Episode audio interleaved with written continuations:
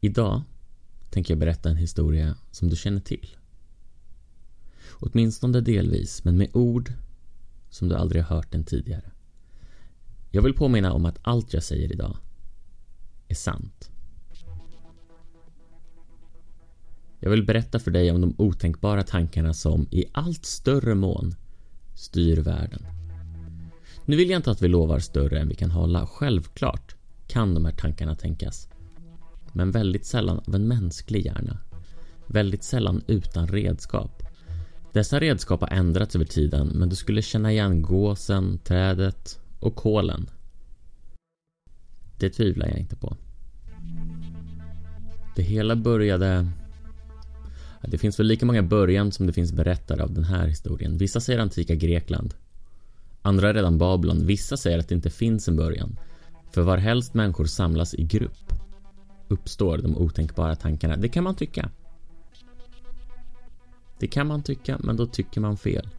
Början, om du frågar mig, är i Irak under den Islamiska guldåldern. Al-Khwarizmi skapade symbolerna.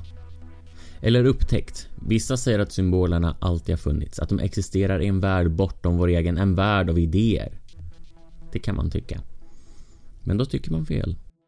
Al-Khwarizmi arbetade i Dar Alkima visdomens hus, när han skapade dem symbolerna.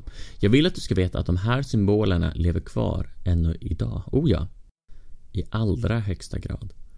Vissa människor har vikt sitt liv åt att studera symbolerna för att kunna tänka ännu större tankar, tankar som den mänskliga hjärnan definitivt inte var skapt för. Dessa fåtal människor tar sig ofta upp i världen, de blir rikare än andra och ett fåtal av ett fåtal, de klättrar så högt att de styr världen. Dold bakom sina tjocka, stora väggar. Jag vill påminna dig, kära lyssnare, om att den här historien är sann. De flesta som studerar symbolerna gör det mest i förbigående egentligen. De lär sig symbolerna, lär sig använda symbolerna utan att helt och fullt bemästra dem. Inte för att man vill, utan för att man måste. Sen släpper man det. Att lära sig symbolerna är en passagerit som krävs om man vill ha vissa yrken. Ett sätt att visa sin briljans. Men sen krävs inte symbolerna, inte egentligen. Inte i yrket. Andra bemästrar faktiskt symbolernas kraft. Det fåtal kan ofta se längre och djupare än några av oss andra. Al-Khwarizmi använde sina symboler till mycket. Men den enskilt starkaste kraften symbolerna hade var att skåda framtiden. Åtminstone nästan. Det var deras löfte, det var deras mörkaste magi. Den som förstår symbolerna kan se framtiden. Men Al-Khwarizmi och hans följare, ja... De kunde inte se mycket. De spred kunskapen, det lilla de hade om symbolerna, vitt och brett. Och sen började den stora väntan. Väntan på den stora mannen som skulle ta nästa steg. Mannen som skulle kunna se framtiden. I över ett halvt millennium väntade man.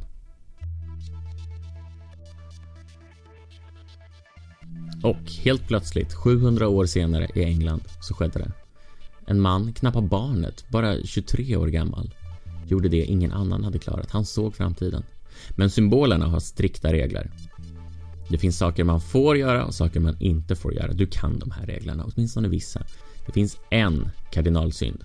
Den garanterar jag att du känner till. Bryt mot den och kaos uppstår. Rätt blir fel blir rätt och två är ett. Mannen i England, 23-åringen, han bröt mot den här regeln. Han bröt mot symbolernas djupaste regel och han blev rikligt belönad. Han blev belönad med makt, med pengar, med titlar. Det är inte därför vi minns honom. Vi minns honom för att han blev belönad med himlavalvets hemligheter. Han såg kraften som styr himlen. Och han blev belönad med framtiden. Han kunde se himlens framtid på ett sätt som ingen någonsin kunnat tidigare. Men han visste inte vad han gjorde. Han var vild, han var maktgalen. Han var en alkemist som sökte det vises sten. En galen man utan vänner. Vi har nu förstått, flera hundra år senare, att han faktiskt aldrig bröt mot kardinalregeln. Han var nära. Han var så nära man kan komma utan att bryta mot den. Det är möjligt att han själv trodde att han bröt mot regeln, men det gjorde han aldrig. Ändock blev han belönad med att se himlens framtid. Han spred sin kunskap vitt och brett. Han försökte. Han försökte sprida sin kunskap vitt och brett. Folk pekade på stan och sa Se, där går den enda mannen som har skrivit en bok så komplicerad att han själv inte förstår. Men resultaten av hans forskning var oförnekbara. Sen dog mannen. Ensam. Utdraget och i stor möda. Efter det här kom en tid av förändring som vi aldrig sett förut. Kungar avsattes, maskiner och automatans byggdes för att ge oss starkare nya muskler. Men symbolernas löfte förblev oinfriat. Vi kunde se framtiden, ja. Men än så länge också bara på det mest begränsade och oanvändbara sätt. Himlens framtid var uppenbar, tänkte man. Det skulle visa sig att man hade fel, men så tänkte man. Men här då, jorden? Kunde man förutse hur bollar flyger. Kunde man i bästa fall förutse hur små mängder åska rör sig genom små mängder metall. Det var litet. Vi ville mer. Och det var då man började bygga en golem. En golem skapad av symbolerna och skapad för symbolerna. En golem vars syfte var att manipulera symbolerna i en takt vi aldrig sett, en takt människor inte klarar av. En takt som gör att vi, i större utsträckning, mycket större utsträckning, borde kunna se framtiden. Vi borde kunna klara av fler symboler som gör att vi kan ta hänsyn till den här röran, det här kaoset som ett jordeliv är. Så var tanken. Den första golemen. Ja, även här finns det nog lika många första golem som det finns berättare. Vissa hävdar att vi har funnit en golem långt ner i medelhavets djup. En golem som drivs med en vev och kugghjul, en golem som kan se himlens framtid. Det kan man tycka är en golem. Men då tycker man fel. Nej, himlen är för simpel. Den första golemen, den första riktigt stora tänkande golemen byggdes på 1800-talet i England. Den var stor, den var slö, byggd av metall, kugghjul, driven av ånga. Den kunde inte tänka nya tankar. Nej, inte egentligen. Den hanterade symbolerna så som människorna gjorde det, men lite snabbare. Den kunde inte ens hantera många olika symboler. Den höll sig till ett fåtal av ett fåtal. Men det var inte det viktiga. Det viktiga var att den aldrig gjorde fel. Golamen gjorde inte misstag, för Golamen var inte mänsklig. Men sen blev det inte mer av det, kära lyssnare. Golamens konstruktör ville bygga en ny, en större som kunde tänka alla otänkbara tankar. Men hans fru dog. Hans pengar tog slut. Han blev en ensam och bitter människa. Och den nya Golamen av stål och ånga förblev obyggd. Och i ett halvt sekel så väntades det. Sen, på 1940-talet, då börjades det igen.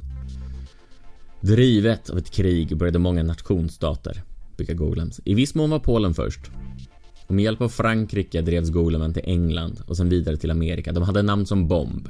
De hade namn som Colossus. De var stora som rum, förde ett oljud som inget annat. Ett tickande, öronbedövande oljud fritt från själ och från konst. En evigt tickande klocka som bearbetar symbolerna åt sina mästare. Dessa golems, säger vissa, kortade ner kriget med två år. Dessa golems kunde se nazisterna smida sina hemliga planer. Det räddade oerhörda mängder liv. Men ändå hade det bara börjat. Dessa golems var stora, tunga, snabbare än människor någonsin hade kunnat vara.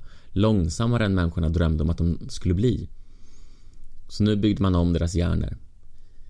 Tidigare hade det varit hård metall i sin grund. Nu, 1954, insåg amerikanerna att man kan tvinga sand att tänka åt den. Sanden måste nästintill ritualistiskt sättas i rätt mönster. Ett litet misstag och så händer inget. Sen, med hjälp av åskans kraft, uppstår tankar i sanden. En hjärna av sand och åska. En golem som arbetar i tystnad. Det, kära lyssnare, är grunden för vårt moderna samhälle. Varje rum är fyllt med sandgolems av varierande storlek.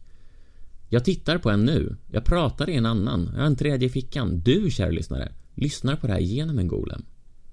De manipulerar symbolerna i oerhörd hastighet och sen, som de lydiga slavar de är, följer de våra instruktioner till punkt och pricka. Och äntligen kan vi se in i framtiden. Inte långt, inte tydligt, inte klart. Men vi kan se den. Vi kan se vädrets framtid. Vi kan spå atomernas beteende. Vi kan i viss mån se människornas framtid. Vår egna, i viss mån. Men sen, nyligen, så tänkte någon, vi borde inte bestämma vad en golem ska tänka. Vi borde låta den tänka själv.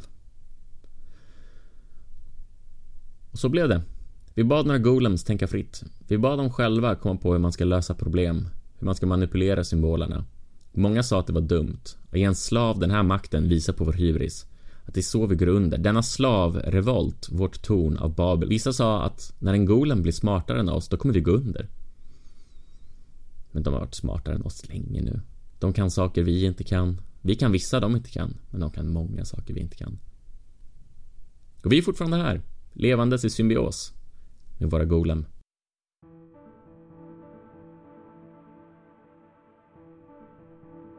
Symbolerna är givetvis algebra. Jag vet, trist. Vi tar algebra för givet. Det är en radda tråkiga regler som löser en radda trista problem. Det stämmer.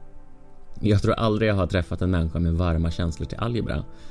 Eh, men för en massa år sedan läste jag en sommarkurs på Uppsala universitet. Strövtåg i matematikens värld. Trevlig kurs. Eh, en sak vi studerade var de gamla grekerna. Och vi fick uppgift att lösa supersimpelt geometriskt problem med ett par trianglar, någon cirkel. Jag minns inte detaljerna, men vi skulle väl lista ut hur stor någon vinkel var eller något sånt. Och vi var tvungna att göra det som grekerna gjorde det. Det vill säga ingen algebra, bara vanliga ord. Inga ekvationer, inga variabler.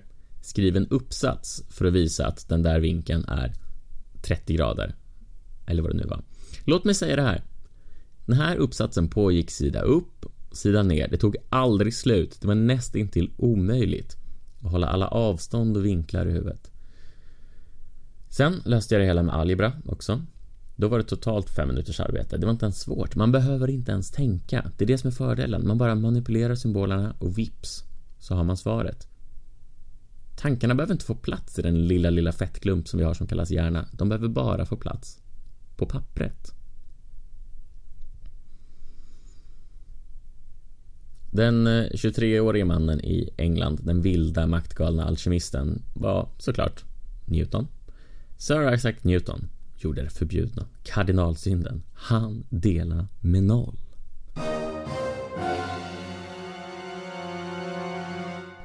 Eh, åtminstone nästan. Det går att få samma resultat genom att dela med det allra minsta talet som inte är noll och se vart det konvergerar. Så fick vi derivater, så fick vi Newtons gravitationslag, så gick den vetenskapliga revolutionen upp i högvarv. Goleman är givetvis en beräkningsmaskin, en dator. I viktorianska England byggde Charles Babbage en maskin som kunde räkna på logaritmer. Oh, inte superspännande. Eh, väldigt användbart där och då. Men han skapade sen planer, designade ännu en maskin. En som skulle kunna programmeras. En som skulle kunna göra allt våra datorer nu kan göra. Fast då otroligt mycket långsammare. På 40-talet började man bygga större datorer eh, för att simulera bomber, missiler och såklart framförallt knäcka nazisternas skiffer, Enigma-skiffret. Sen började vi bygga maskiner av kiselsand, styra dem med el via en transistor då. Och nu tycker vi att det är töntigt att behöva koda datorerna själv. Nu ger vi dem den mest abstrakta och generella kod motsvarande vår hjärna och hoppas att de ska lära sig själva. Ibland funkar det riktigt bra. Ibland funkar det sådär. Vi kallar denna golemernas frihet för AI. Som alltid vill jag tacka herr civilingenjör John Rickard Brynte Turesson, den första, för den finfina coverarten. Och jag, er evige följeslagare i den vetenskapliga historien, har varit Viktor Vase, matematiker och algoritmutvecklare. Eller, för att använda min tekniska titel, målare av färger i en vind.